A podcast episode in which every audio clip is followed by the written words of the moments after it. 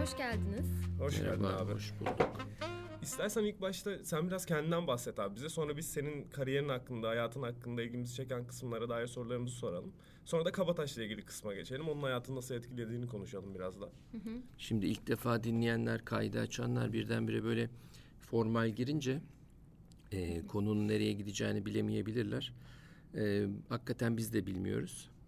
İki arkadaşım da yeni tanıyorum. ilk defa karşılaştık. Çok da kolay bir şey değil ama bakalım konu nereye gidecek. İlk başta sizden hani Baran'ın dediği gibi bir özet alalım. Ben bir de şeyi çok merak ediyorum. Sosyal tasarımcıyı bir açıklar mısınız? Tamam onları bahsedelim. Şimdi ben de tabii hani bu ortak birleştiren unsur ben de Kabataş Erkek Liseliyim. Ondan sonra 94 mezunuyum ama bizim dönemimizde iki buçuk yılda bitirmiştim okulu ben. Çünkü kredili sistem vardı. Bizde sınıf düzeninde yoktu. İşte bir Kabataş serüveni var. Sonra e, Yıldız Makine Mühendisliğini okudum. Ondan sonra Marmara Radyo TV Sinema. E, böyle bir eğitim süreci var. E, anne baba devlet memuru diye birkaç tane şehir gezdik. Uzun süre İstanbul'da yaşadım. Şu anda da Bergama'da oturuyorum. E, sosyal tasarımcı aslında şöyle, onun e, alt başlıklarına yaptığımız işle ilgili gireriz. Ama genel anlamıyla sosyal etki barındıran projelerin e, uygulama süreci dahil bütün hepsinin e, tasarlanması anlamına geliyor. Yani bu bir fikri önce masaya yatırıyorsun. Sonra hangi adımlarda bunu yapacağını planlıyorsun. Sonra uygulamayı yapıyorsun. Ondan sonra da bunları kayıt, yayın e, ve e, sosyal etkisini analiz etmekle ilgili süreçleri planlıyorsun. Bunun hepsi bir sosyal tasarım işi. Çağımızda yepyeni kelimeler türedi tabii. Herkes işte dün bir e, teknik konuşmada çocuk dedi ki ben growth manager'ım dedi. Öbür tarafta e, 50'li yaşlarda bir bey de dedi ki pardon dedi growth manager ne demek? Ondan sonra tabii şimdi ben de ilk defa duydum ama hani İngilizcesini biliyoruz. Geliş gelişimle ilgili bir müdür de bu teknik anlamda ne anlama geliyor? Biraz onlar anlattı. Ee, yani Ajda'nın kendine süperstar dediği gibi biz de kendimize şey e, sosyal tasarımcı dedik. Yani hani yaptığımız işin biraz daha açılmış hali. Evet, dünyada aslında benim araştırmalarıma göre bayağı şu anda revaçta olan bir bölüm dal. Evet şöyle bir şey aslında ihtiyaç olan bir konu bir de spesifikleşmekle ilgili başlıklar iyi geliyor insanlara. Yani Türkiye insanı da çok netleşmeden yanıdır. Netleşmeyi becerdiği tartışılır da netleşmeyi seven bir yapımız var. Ondan sonra benim e, sosyal yani social designer olarak baktığım dönemlerde işte bundan 10 sene evvelki dönemlerde tabii bir kavram olarak vardı. Dedi benim yaptığım iş buna benziyor. Sonra yani makine mühendisi desem komik oluyor. İşte e, radyo, TV, sinema okumuşuz. Ondan bir şey çıkartamıyoruz. E, sivil toplum çalışması yapıyor. Tamam sivil toplumcuyuz o da ayrı ama sivil toplumcu da başka bir tarafa da gidebiliyor. Ondan sonra ben sosyal etki projeleri tasarlıyorum. Ee, genel anlamıyla bu diye açıkladım. Ee, makine mühendisliği okudunuz. Serüven nasıl aktı da STK'lara kadar geldi? herkesin hayatında e, farklı kişiler ya da olaylar e, bazı sinyaller veriyor. Bunları görmekle ilgili ve bunlara uymakla ilgili bir durum. Ben çok mimar olmak istemiştim. Bizim dönemimizde e, öncesinde okulu seçerdin. Yani sınavdan önce okulu seçiyordun. Sınava gireceksin. Kaç tane net yapacağını bilmiyorsun.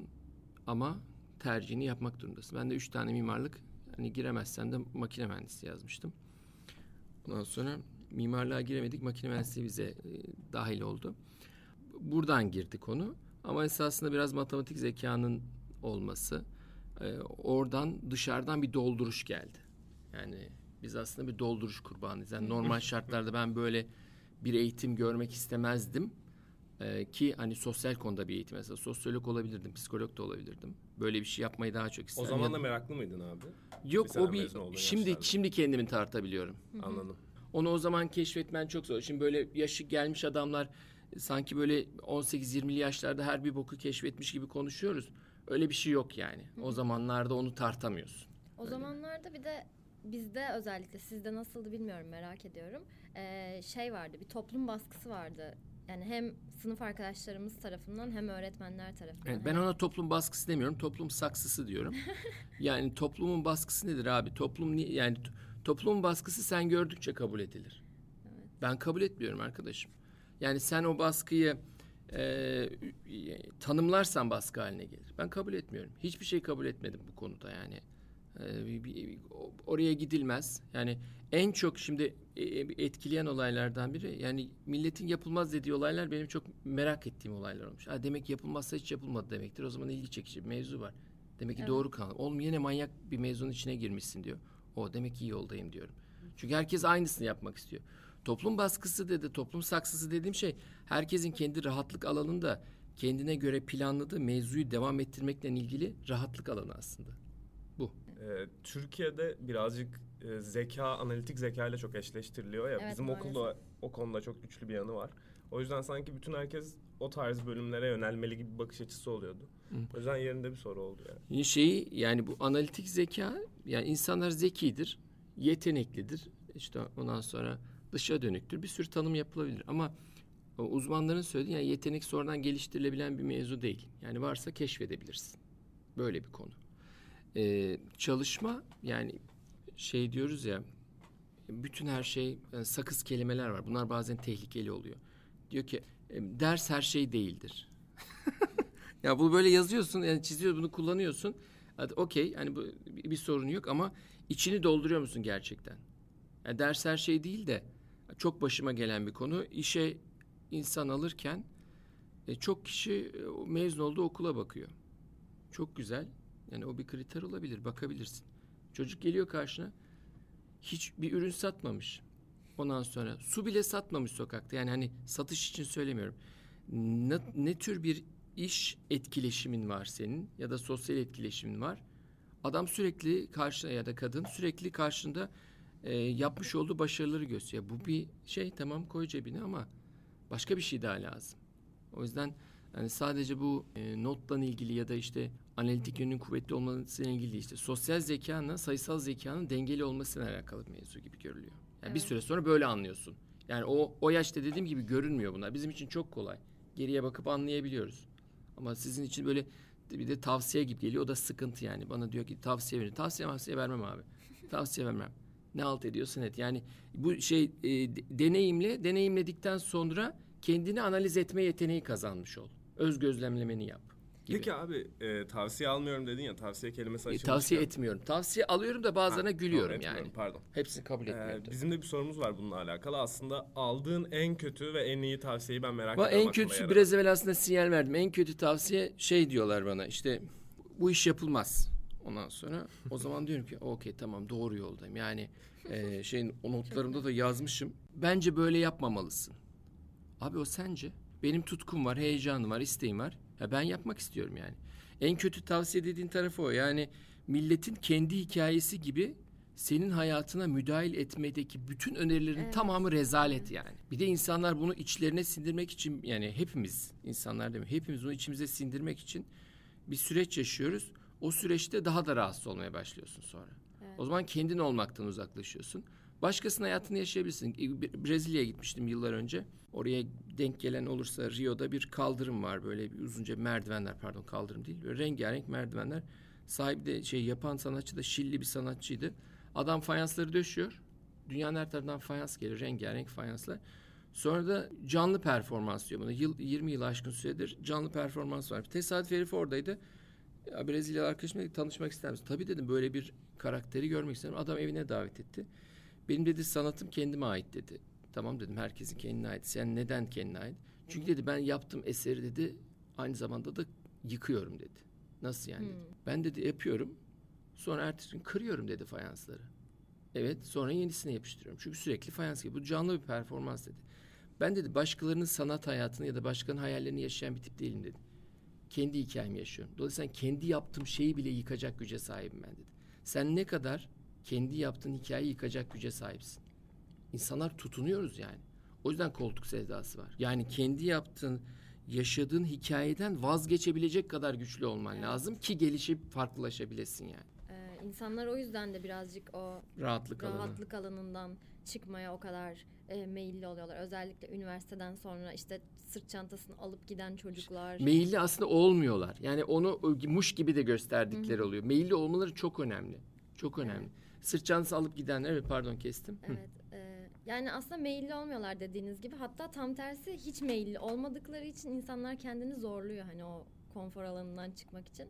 Sırt çantasını alıp giden çocukların motivasyonu odur yani. Hani ben bir sırt çantasıyla hayatımı idame ettirebilecek miyim acaba dışarıda? Bu deneyime kendisinin izin vermesi çok önemli. Şimdi çocuklar bizim gençlerle konuşuyoruz. Çok fazla gençlerle çalıştığım bir süreç. E, hayal ne diyorum? E, işte küçük kentte çocuk. Yani biz e, farklı illerde çalışma yapıyoruz. İşte sarayda mesela diyor ki benim en büyük hayalim saraydan gitmek diyor. Cık, arkadaş ya. Bir tanesi Bergama'da. Bergama'da da karşıma. Bir tanesi aldım Bergama'da. Dedim senin hayalini gerçekleştireceğim. Aldım. Bergama'nın çıkışını arabayla götürdüm bıraktım orada. Senin dedim hayalin gerçekleşti. Sercan abi ne yapıyorsun dedi. Oğlum dedim senin tanımladığın şeyi yapıyorum yani. Yani hayal negatif kurulmaz arkadaş ya. Böyle hayaller nasıl kuruyor insan bilmiyorum. Yani tamam hani pozitif oyunu oynamayalım. Abi iyi de sen bir hayal kuruyorsun. Bunu negatif nasıl kurarsın ya? Al, kurarsan böyle dangalan birine denk gelsin seni alır böyle bırakır şeyin ortasında yani Bergama'nın dışında. Bu, bu bir süreç yani farkındalıkla ilgili bir süreç. Fark etmen lazım ne halt ettiğini. Yani nasıl konuştuğunu. Kelimelerin enerjisi var. Ondan sonra düşüncelerin enerjisi var tamam.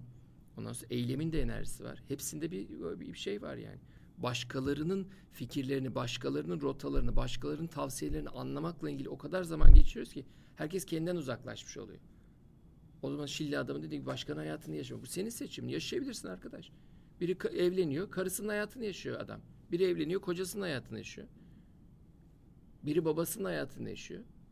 Yani biri işte uzakta fenomenlerin hayatını yaşıyor, şeyi takip ediyor. İşte Esra Erol'un hayatını yaşayanlar var. Var. Ondan sonra müzisyenlerin hayatını yaşayanlar var. Ben diyor Koray Avcı'nın hayatını yaşıyorum. Sanki Koray Avcı'nın yani ona gidecek gibi gidiyor anladın mı? Şimdi Koray'ın aklıma geldiyse.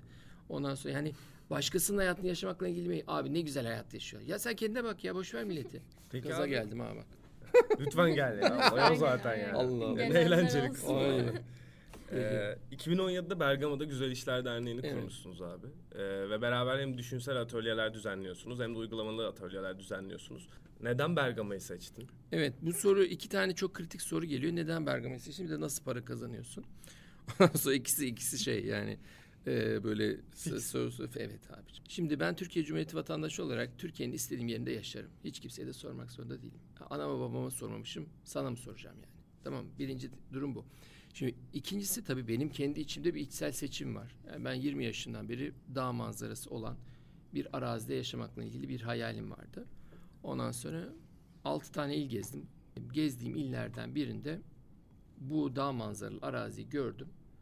Çok hafif bir tereddüte düştüğüm anda sahipleriyle konuşuyorum arazide. Üstüme bir kelebek kondu. Dedim oğlum burası ya dedim arazi. Pat diye orayı aldım ve orada yerleşmeye karar verdim.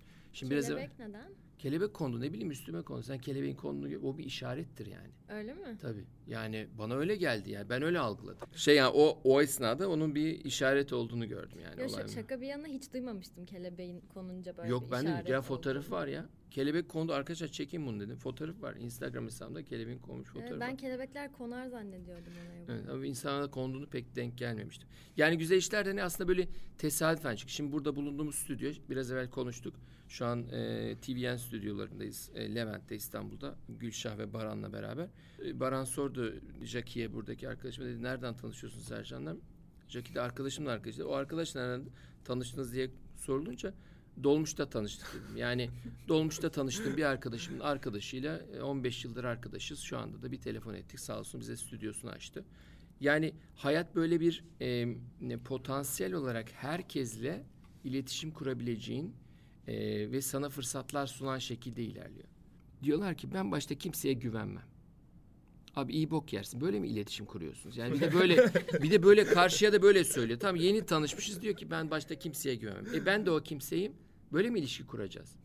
Ben de diyorum ben başta insana yüzde yüz itimat ederim, güvenirim. Kapıları da sonuna kadar açarım. Sonra kendilerinin aldığı pozisyona göre şekilleri değişebilir. Yüzden başlatıyorsunuz Tabii yani. canım yani abi ni- niye ben bir şey mücadeleyle gireyim ki ilişkiye? Hiç gerek yok. O kendi mücadelesini versin.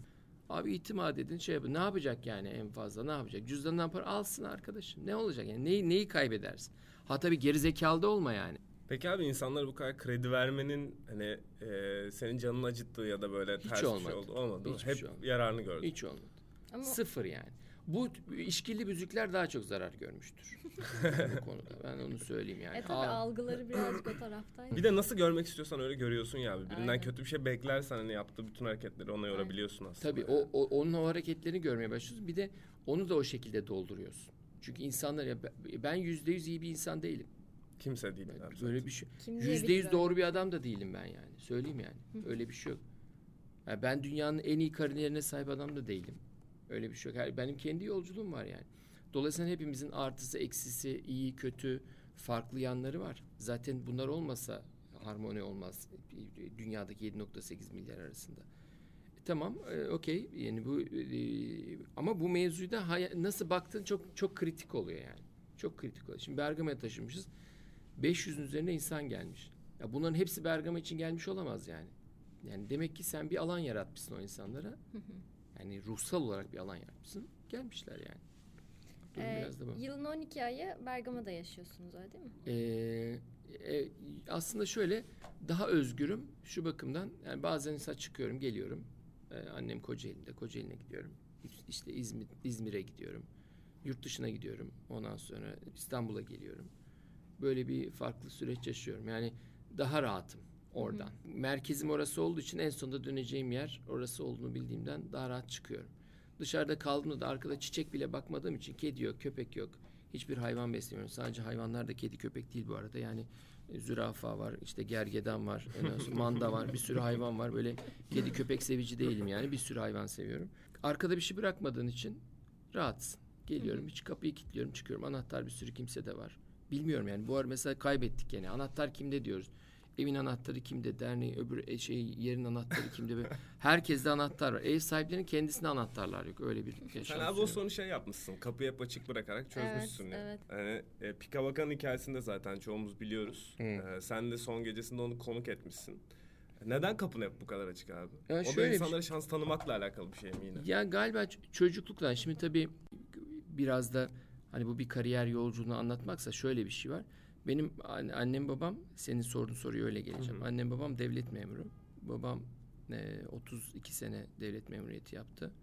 Annem de öğretmen olarak başlıyor. Öğretmen okulu mezunu. Sonra onları e, doğuda dedem izin vermiyor o dönemlerde. Albay, binbaşı. Annemi bıraktırmış okulu. E, şimdi mesela iki tane annem bir fırsat kaçırmış. Öğretmen olmak isterdi yani devam etmek isterdi. Çok da tutkuluydu. Sonra tabii bizim e, yani benim ve sonra da kardeşimin doğuşundan sonra biz sürekli böyle bir kombinada yaşadık. Yani bizim olduğumuz alanda kapalı bir alandı. Çok rahat bir çocukluk yaşadım. Ağaç tepelerinde işte tahtalıkta ne bileyim hayvanlarla işte et balık kurumdaydı. Yani koyunlar, e, inekler bir sürü bir sürü bir sürü kuşlar. E, bu süreçte e, şeyi fark etmiştim o dönemde. Yani belki de bilmiyorum rahatsız edici bir durumdu. Büyük abilerin o zamanlar tabii bunları böyle tanımıyorum. Akran zorbalığı diye tahmin ettiğim şeyi mesela topu olan oyunda kim oynayacağına karar verirdi. Bunlar beni uyuz ederdi. Yani çok uyuz olduğum şey. Ne demek yani topu varsa oyuna karar veriyor. Ondan sonra bir diğer taraftan büyüklerin olduğu ortama küçükler girmez. Allah Allah ne konuşuyor olabilirler yani. Ben de büyüyeceğim yani nedir bu? Bu e, kapalı metot beni çok rahatsız etti ve insanları sürekli annemler biraz kızardı ona. Ben eve davet ederdim insanları. Sürekli bizim eve gelirlerdi. Ya oğlum niye topluyorsun insanları eve? böyle bir böyle bir eleştiri aldı. Ya anne ne olacak ki falan. Ondan sonra e, bu galiba o akran zorbalığı zamanlarından gelen bir tepki. Çünkü ben şu anda işte şimdi şeymiş ya kelede kel denmiyor ya saç yönünden dezavantajlı bireyim ben. Ondan sonra Su- suçmuş çünkü kel demek. Şimdi e, o dönemlerde galiba hani işte bir kulağım kepçe, kepçe kulak, dört göz ondan sonra o zaman saçım vardı da yani bu tip şeylere de maruz kalmış. Ben bunların hiçbirinin olmayacağı alanlar yaratmakla ilgili insanların hepimizin çocuklukta verdiği sözler sonradan aslında hayat adımlarına dönüşü bir alan yaratma hikayesi dürtüsü olduğunu düşünüyorum kendide. Bazıları da işte sevgi, ilgi, ondan sonra ihtiyaç hani hepimiz için var. Hmm, Temel ihtiyaç durumundan dürtülendiğimiz çok oluyor. Sevilme ihtiyacı, dinlenilme ihtiyacı, anlaşılabilme ihtiyacı falan. Yani bunlar kendim için söylüyorum ama genel talep şeyler. Burada demek ki böyle bir süreç de yaşamışız. Ee, ondan sonra e, yaptığımız her işte bir kere adil olmakla ilgili bende bir şey oluştu. Yani abi adaletsiz bir mevzu varsa zaten ilkokuldaki günlüklere bakın. Adaletsiz bir konu varsa Sercan'a gidin derler. Çünkü ben hiç gözüm çok karaydı. Kütür kütür konuşurdum yani. Sonrasında bu yani şirketlerde ya da çalıştığım şirketlerde e, yaptığım işlerde bir değer olduğunu sonradan fark ettim. Yani adalet benim için bir değer. Yani insanlara adil davranman gerekiyor Sercan. Çünkü o te- o çocukluktaki mevzuyla ilgili. İkincisi ya bakıyorum ya babam faydalı bir adamdı etrafında. Çok dışa dönük biriydi. Yani işte akraba ziyareti olsun, insanlara yardım olsun ve kendisinin hiçbir zaman şey kullandığını görmedim. Yani bizim arabamız da yoktu, evimiz de yoktu. Babam bir telefon etse kombinadan bizi işte oraya bırakırlar, araba gelir falan. Hiçbir makam aracını kullanmışlığı yoktur. Bir tek kolum kırılmıştı o zaman şey bir makam aracıyla hastaneye götürmüş. Hiçbir zaman bir şey kullanmadık. Bu nedenle mesela bir işi suistimalle ilgili de bir şey gördüm. Onu da bir değer olarak sonradan algıladığım görüyorum. Bunlar tabii ki e, genç yaşlarda temellendirmekle ilgili bir takım mevzuları. Ondan sonra sonra işte sonra zekanı ya da işte yeteneğini keşfediyorsun. Seni ya da ilgini keşfediyorsun. Biz nereye ilgiliyiz, nereye tutkuluyuz? Onları keşfettiğim bir süreç ve işte e, özel okulu kazandım. Özel okulu kazandığımda da zorladık kendimizi. Hani bursla bu mevzuya girdim. Bu sefer bursla girince bu sefer paraya ve e, emeğe değerle ilgili bir süreç yaşamışız. Bunları analiz sonradan edebiliyoruz. Yani bu temeller nereye oturdu diyorsun ya. Ya şimdi bunlar işte bu mezun temellerini oluşturan bir başlıktı. E ondan sonra bir gün şeydeyim, Asos'tayım. Yani yaş büyüdü büyüdü işte üniversiteye gittik Asos'tayım. Bir baktım iki tane bisikletli tip Asos'a gidenler vardı. Ta yukarıdaki yere çıkmışlar. Orada bir cami var e, Asos'un tepesinde. Orada bisikleti. Bu dedim kimin bisikleti bunlar? Baktım iki tane yabancı. Dedim siz ne yapıyorsunuz? Beş aydır dünyayı şey Avrupa'yı geziyoruz. İstanbul'a geleceğiz. Dedim bize de gelsenize. Eve davet etti. Bir hafta kaldılar. Onlar Servas diye bir sistemden bahsettiler. Uluslararası konuk ağırlama sistemi. Sonra ben Servas çok ilgimi çekti. Servas'a üye oldum. Bu sayede bir sürü insan tanıdım ve bir sürü yurt dışından konuk ağırlamaya. O aslında ilk sivil toplum sürecinin başlangıcı. Best Buddies'i de galiba Kabataş'a falan getiren Evet o, Servas o süreçler şimdi Servas işte bu Pipa Bacca'nın süreciydi. Pipa da İtalya'dan gelmiş bir arkadaşımızdı. Ee, Servas sayesinde birçok insanı tanıdık ve evlerimize misafir ettik. O insanlar başka kapılar açmaya başladılar. Bu Servas'ın bir yan etkisi işte yani davetkar durumu. Yani sivil toplumu davet ettiğim bir etkinlik vardı Haliç'te Dragon Boat Festivali'ne. Dedim sivil toplum teknesi yapalım. Tekneye bir adam geldi sivil toplumdan. Beni de antrenmana çağırdılar. Sercan hadi adam eksik sen de antrenmana. Ay dedim hadi. Ben de sivil toplum ekibiyle kürek çekiyorum. Yanımdaki herif işte anlatıyor Alternatif Yaşam Derneği, Düşler Akademisi falan filan. Muhabbet ettik, konuştuk. Sonra onunla arkadaş olduk Ercan. Ercan bir yıl sonra bana dedi ki ya Sercan dedi senin dedi yönetim becerine uygun uluslararası proje var. Best Buddies diye zihinsel engellileri arkadaş yapan proje. Sen dedi bu projenin Türkiye'de koordinasyon üstlenir misin? Yani aslında bak tekrar söylüyorum burada arkadaşımızın işte şeyde tanışmışız. Dolmuşta Doğru. tanışma. Öbür tarafta karşılıksız bir tekne önerisi. Tekne önerisinin ardından insanların seni tanıması, seni tanıdıktan sonra sana bir teklif getirmesi. Kapılar böyle açılıyor. Kapılar şöyle açılmıyor. İşte kariyer günlerine gidiyor arkadaşlar. Bilmem işte firma adı vermeyeyim ama e, önemli bir firmadan biri geliyor. Sonra sanki kümesteki e, kümeste böyle e, tavukları, civcivleri besleyenler bilirler. Sıcak soba varsa civcivler sürekli sobaya doğru yanaşırlar. Böyle kümelenirler. Biz de böyle kariyer günlerinde e, sobaya yanaşan civcivler gibi herkes o yöneticiye yanaşıyor. Evet. Oradan da bir şey yapacağını zannediyor. Bu iş böyle olmuyor arkadaşım. İnisiyatif olması lazım abi. Evet, inisiyatif, özel iletişim kurman lazım. Kesinlikle. Fırsatı görmen lazım.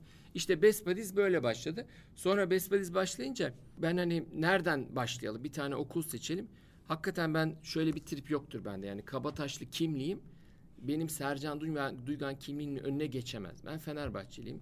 Kabataşlıyım. Ondan sonra Yıldız Teknik Üniversitesi mezunuyum. Makine ama Puzzle'ın hiç- parçaları yani. Evet hiç, ama hiçbiri Sercan Duygan'ın karakterin önünde bir davranış şekli değildir. Kim ki karakterin önüne bu tip davranışlar alıyor onun ilgili kişilik ve karakterle ilgili analiz edilmesi gereken çıkmazları var demektir. Çünkü bu sıkıntılıdır. O nedenle ben Best Budies'i Kabataş'ta başlatayım, benim okula başlayayım diye bir dürtü olmadı. O da bir kısmet işiydi. Oradan o kapı, oradan biri dedi. Biri pat diye teklif etti. Sercan burada ne, yapalım mı dedi. Aa olur dedim. Şey Nabi, Nabi Cücük. Nabi abi Sercan burada yapalım mı dedi. Aa, olur abi dedim tamam. Pat diye yani Kabataş Erkek Lisesi e, Best Budies'i Türkiye'de başlatan Uluslararası Sivil Toplum Projesi'ni Türkiye'de başlatan ilk okul oldu. Tesadüf. Sonra gene tesadüfen Yıldız Teknik Üniversitesi benim okuduğum okul ilk başlatan üniversite oldu. Gene tesadüfen ilk başladığımız il Edirne. Vallahi tesadüf bunlar. O da benim e, Edirneliyim ben. Edirne'den başladı ilk il olarak. Yani bunlar böyle biraz görmekle ilgili mevzulardı yani. Biraz uzun anlattım ama işte yani bu e, bağlantılar biraz böyle kendi bokumuzu cilalıyor gibi konuşmayalım ama yani böyle e, yediğimiz e, haltlar bunlar arkadaşlar birazcık. Evet. Abi peki e, şimdi hani fırsatlardan bahsettin o fırsatların değerli olduğundan. Aslında böyle hani gezmek, çok yer görmek de çok fırsat açıyor ya. Önüne çok fazla kapı çıkartıyor. Acaba sen çok geziyor musun ben onu merak ediyorum. Evet ya işte bu e, şey aslında çok geziyor musun diye değil de ne zaman evde duruyorsun gibi bir soru alabiliriz. E, ya şimdi annem babam tekrar söylüyorum hiç e, devlet memurları hiç yurt dışına çıkmamışlar. Ya, ehliyetleri yok. Dolayısıyla arabamız yok. Araba kullanmış. Yani böyle bir e, bunları görmüş taraftan değildim. Ben ben bilgili biri değilim. Ben ilgili biriyim. Ben meraklı biriyim. Aşırı meraklıyım yani. Yani yeni bir mevzuyu şu anda 44 yaşındayım. Abi keşfetmekle ilgili aşırı merakım var. Hiç de üşenmiyorum. Ben merak ediyorum. Abi, bu nedir diyorum. Yeni bir şey geliyor. Dibine kadar öğrenirim. Şimdi e, üniversitedeyim. Bir arkadaşımı yazın gördüm. Kız arkadaşımın şeyine gitmiş. E, okuluna, üniversitesine gitmiştim. O herifi gördüm orada. Ne yapıyorsun? Ben de Türk Hava Yolları'na başvuru yapıyorum. Ne yapacaksın? Hostes olacaksın. Ulan dedim manyak mısın? Ne işin var yani? Dedim işte dedi part time abi dedi gidiyor hem de yurt dışını gezerim falan. Dedim söylesene ben de başvurayım dedim. Oğlum dedi söyleyelim, söyleyelim de dedi rakip mi olalım dedi. Vay dedim rakip mi olalım? Bu rakip konusu çok ilginç aslında. Tamam peki dedim ben eve gittim kendi kendime araştırdım. Türk Hava Yolları'na hostes olarak girdim. İlk yurt dışına çık çıkışım Stuttgart'a gittim. İlk defa uçağa bindim. Yani ilk, ilk defa yurt dışına çıkıyorum. İlk defa uçağa biniyorum ve Türk Hava Yolları'nda hostesim yani. Ne Hostum zaman yani. oldu bu? 99 yılındaydı. Ondan sonra ve o üniversitenin de son Mezun senesi. oldun. Evet. O 5 senede mezun olmuşum. 5. sene sadece tezim vardı o sene. Ben bir baktım abi iki buçuk saat, üç saatte Stuttgart'taydım. Lan dedim ne kadar küçük bu dünya dedim. ya dedim bu kadar saate kadar durmam kabahatmiş benim. Sonra tabii biz, ben bir yıl çalıştım Türk Hava Yolları'nda. Oraya uç, buraya uç. Ya, Asya'ya uçtuk, Avrupa'ya uçtuk. Deniz aşırı uçmadım da. Ondan sonra, sonra tabii benim ağır damarım çatladı. Ondan sonra dedim ki beni hiçbir şey tutamaz. Türkiye'de 68 tane ile gittim. Dünyada yüzün üzerinde şehre gittim. Ondan sonra 24 tane ülkeye gittim. Bazılarına 5 kuruş param yoktu yani. Yani Brezilya'ya gittim. Yoktu param. ya. Birine dedim ki abi dedim biletimi alır mısın? Alırım dedi. Bir seferinde Hindistan'a gideceğim. Her şeyi aradık. Para yok. Başkası verdi parayı. Sonra ödedik bir şekilde. Ama çok tutkuluydum yani. Gittim yani. Şimdi ben arkadaşlar hani tavsiye edemiyorum da deneyim olarak. Gidiyor yazın abicim Bodrum'a gidiyor. İşte arkadaşlarıyla bir tatil yapalım falan filan diyor. Abi yurt dışına gidin yani. Her sene Bodrum'a gidiyor. Ya korkunç bir şey. Yani, yani deneyimi açık alanlara gidin. Birbirinizi böyle e, yükseltecek yerlere değil. Birbirinizi yere vuracak yerlere, zorlanacak hikayelere dahil olmanız gerekiyor. Ge- yani olmamız gerekiyor, olmanız değil. Abi bu bütün konuştuğumuz hani mezunlarımızda çok ortak bir yön o safe zone'un dışına çıkmak, Kesinlikle. kendini zorlamak Çıkmak hep böyle lazım. konu oraya bir şekilde geliyor, Geliyor. yani. Evet. Ya bir tane örneği var. Geçen Kabataşlı arkadaşım söyledi öğrencilerden. Annesi babası doktor olmasını istiyormuş.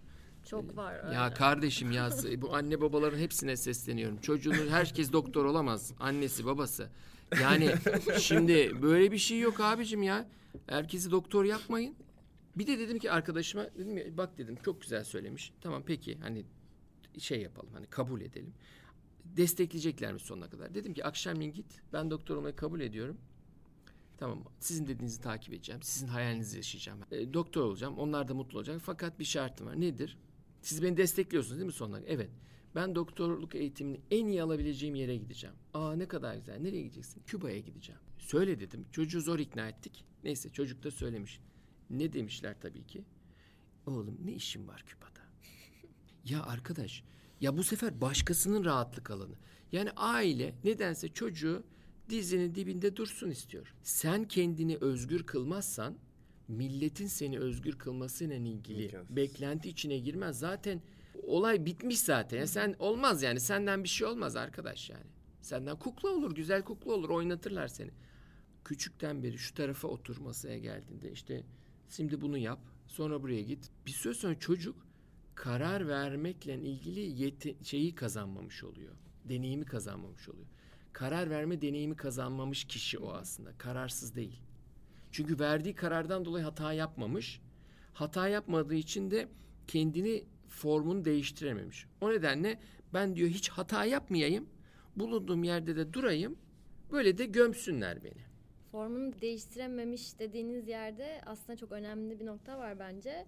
Ee, bizim okulumuzdan özellikle hani bizim gözlemlediğimiz bir sürü insan vardı öyle. Hani sırf aile baskısından, öğretmen baskısından tıp okuyan ve tıp çok zor okunan bir şey yani. Bütün Ya abi büyük yani çok çok şey bir şey yani çok e, ka- mukaddes bir görev de Evet. yani arkadaş en güzel 18 ila işte 24 yaş en freak yaşların en manyak en- e, şeyin Sonra- e, a- dönemleri niye gömeyim ya? Yani çok seven arkadaşlarımız da var tabii ki. Çok Tabii güzel canım. yapıyorlar, hakkını veriyorlar ama çok zorlananlar da var. Üçüncü senede sonra hani kafayı fıttırıyor ve ne yapacağını şaşırmış oluyor. Burada aslında bence önemli olan şeylerden biri hayattaki o elastikliği kaybetmemek. Yani evet tıp okumuş olabilirsin, belki mühendislik okudun, hiç sevmediğin bir bölüm. Ama her zaman bunun bir geri dönüşü var. Geri dönüş değil, ileriye dönüşü var hatta yani. Yolunuzu her zaman değiştirebilirsiniz gibi bir şeye çıkıyor. Çünkü birçok arkadaşımız tıp okuyup Tabii, 6. tabii. senede bırakıp tekrar mühendislik Ya, o- okumak için bitirdikten başlıyordu. sonra bile tabii. yani. Ya da işte hukuk okuyup STK'larda çalışmaya başlayan arkadaşım var. Ben avukatlık Dur şimdi bana laf mı attın sen şimdi? Evet.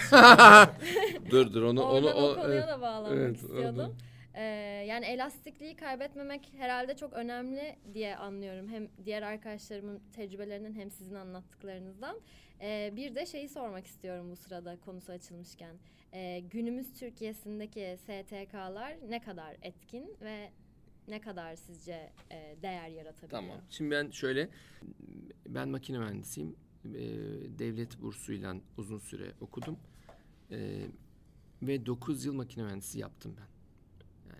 Bunları yaparken sivil toplumla ilgili çalıştım. Ben şuna şunu doğru bulmuyorum. Ee, yani siz ikiniz aynı dönemde mi Kabataş'tasınız? Evet. Ha, size bir şey söyleyeyim. Belki biliyorsunuz, belki bilmiyorsunuz. Siz okula girmeden önce tanışıyor muydunuz? Tabii. Evet, biz evet. ortaokulda Ha, ortaokuldan tanışıyor. İyi. Kıs, kısmen sizinkine girmeyebilir ama siz arkadaşlar ikiniz Baran ve Gülşah olarak okula girerken birbirinizin rakibiydiniz. En büyük rakipler bir araya gelip sonrasında arkadaş oluyorlar. Şimdi üniversiteye girer girince de böyle. Yani adamı bir tane netle geçmiş olduğunuz bir kişi yanınızda oturuyor. Hepiniz aslında en yakın birbirinizle yarışan tipler bir aradaydınız. Yani rakiplerdiniz yani. Sonra siz se- seçtiğiniz eğitim düzeyinin rekabet nedeniyle kazanmış iseniz yani bir tutkunuzdan bir ilginizden dolayı kazanmamış iseniz bir süre sonra gerçek tutkunuz ya da ilginizle yüzleştiğiniz bir an geliyor. İşte o gün o mevzuyu bırakıyorsunuz.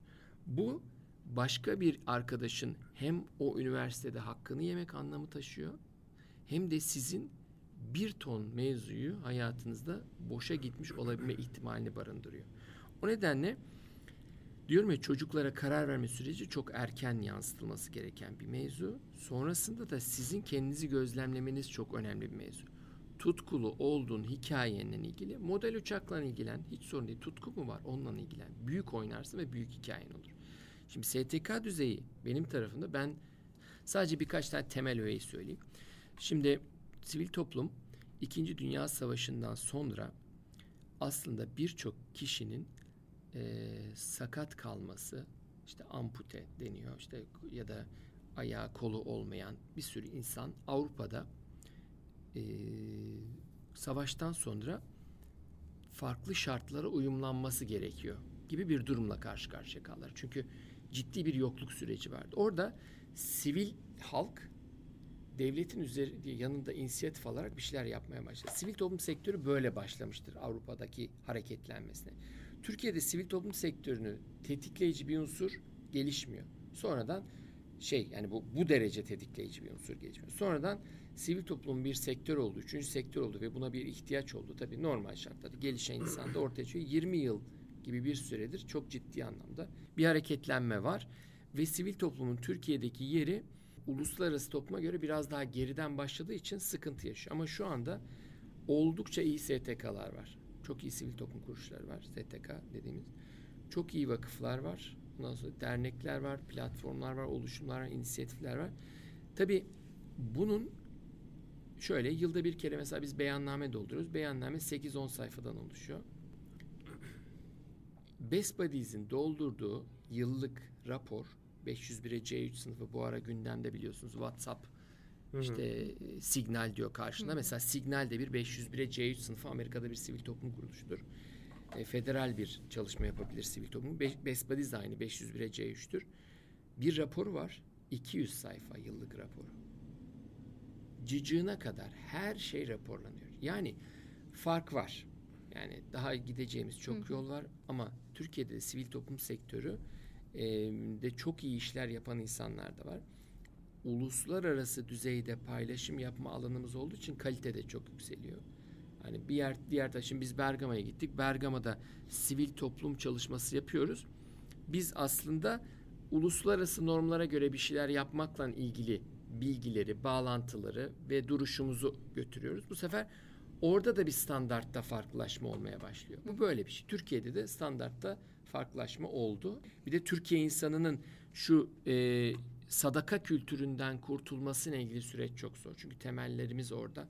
Yani böyle bir yardım kuruluşu zannediyorlar sürekli. Arkadaşım biz yardım kuruluşu değiliz. Kimseye yardım etmiyoruz. Ama hala talep ediyorlar. Her yerden yazıyorlar. Bize yardımcı ol. Burs verin. Ya burs nedir abi? Çok mu ihtiyaç var yani? Burs parası nereye gidiyor? Yani sosyal etkisini ölçemiyoruz mesela bunu. Bursu niye veriyorlar? Burs alandan çok bence ya- verene yarayan bir şey. Yani iddialı konuşuyor ama verenin karizmasını şişiriyor burs. Reklam gibi. Ya işte ben o kadar söyleyeyim sana. Yani burs veriyoruz, burs veriyor. Arka, bunun temellendirmesi nasıl? Nasıl veriyorsun? O çocuk onu neye kullanıyor? Bak bazılarının hakikaten çok ihtiyacı var. O gerçek ihtiyaçları nasıl buluyorsun? Ama arkadaş yani bu sadaka kültürü diyorum yani. yani bu kadar yani bu biraz ağır bir laf ama kusura bakmayın. Yani biz yardım kuruluşu değiliz. Herkes de yardım yapmak zorunda değil. Zaten farklı şey var. İşte sektör sivil toplum kuruluşları var. Tema dernekleri var. Ondan sonra hak arama dernekleri var. Ahbap dernekleri var. Tür tür dernekler var. Yani biz bir tema derneğiz. Eğitim üzerine çalışma yapıyoruz. Ahbap dernekleri işte alumni grupları. Yani Mezunlar Derneği'nin sürekli ve sürekli yani sırf bizim okul için söylemiyorum. Bütün okullarda kendi mezunlarını desteklemekle ilgili bir süreç var. Bunlar çok normal. Ama bir de network yani iş bağlantı ağı üzerine çok takılanlar var. Ya işte yok frankafonlar diye çıkıyor, yok işte o diye çıkıyor, yok işte e, İstanbul erkekler yani e, bunun ekmeğini normalden fazla yiyen ve sırf bunun üzerine çalışan sivil toplumcular var yani. Onu da gözlemlemek lazım. O da benim ben gözlemleyebiliyorum. Ben de Kabataşlar Derneği yönetim kurulunda yedek üyeydim. Yani mesela benim çalışma alanımla ilgili bir eşlenikliği yok dedim. Yani şey çünkü ben başka türlü bir ben tema üzerine çalışmayı seviyorum. Yani benim ilgim yok. Çelenk koyalım, büst açalım falan. Bunlar beni enterese etmiyor yani. Ondan sonra ben arkadaşım ben içerik çalışması yapmakla ilgili bir dürtüm var benim. Kabataş Erkek Lisesi Derneği'nin içeris- içerisindeyken içerik çalışması yapılamıyor muydu? Yok şöyle bir şey ben yani ben e, burada hani eleştirsel bir boyuta girmek istemiyorum. Herkesin kendine göre bir duruşu vardır. Ondan sonra herkes kendi kendine analiz edebilir. Yani bu süreçleri. Ben hani öyleydi böyleydi falan filan. Herkes kendi analizini yapsın. Benim dönemimde benim önerdiğim ya da ortaya koyduğum çalışmalar bu sürecin içerisine e, dahil olmamıştı. Yani ne mesela e, şeyde hani e, Best Buddies sürecinde çok da güzel bir e, sonuç elde ettik. Yani konunun içerisinde. Ondan sonra ama bu bir dernek çalışması değil. Nabi Bey hani bu kapıyı açtı. Ondan sonra sonrasında öğrenciler sahiplendi. Bakın çok iddialı bir laf söyleyeceğim. Kabataş'ı ayakta tutan ben Öğrenci. sadece öğrencilerdir yani. O, yani sadece öğrencilerdir diyorum yani. Bakın bu kadar net söylüyorum. Çünkü en kapasiteli olanlar onlar. Ben dahil herkesin sorgulanması gerekiyor. Çünkü yeni abi yaşı küçük, umutları var, heyecanları var, bilgileri var. Hani e, şey e, yetenekleri var, keşif alanları var. Aktifler de çok aktifler Yani. yani. Yani, ya bence bir yani bir bir, e, bir yöneticiyle bir öğrenciyi yani okul yöneticisini ya da bir okuldaki öğretmenle bir öğrenciyi tarttığında hani e, şu andaki durum gözlem durum yani burada çok ciddi anlamda bu okulu öğrenciler tutuyor yani. Kesinlikle. Evet. Değerlendirme yaptığımızda, geri dönüp baktığımızda Kabataş'tan geriye kalan aslında bir tek birbirimiz kaldık yani Evet. orada. Ya 100 yıllık falan olması tamam abi. Yüz, ya ne olacak ki? Ben de 44 yıl, 44 yıllık bir insanım ben de yani. yani ne olmuş 100 yıl olmuş da yani. Neye ne katıyor sana? Yani sen o 100 yılda nasıl bir etki yarattığınla ilgili mevzu. Bir kültür yarattıysan bu çok iyi tabii ki. Var yani. Şehit olan kabataşlar var. Bu ülke için savaşmış insanlar. Bu çok önemli bir durum. Ülkeye katkısı olan insanlar var. Yani kendisine katkısı var, ülkesine de katkısı var. Bunlar çok önemli bir durum.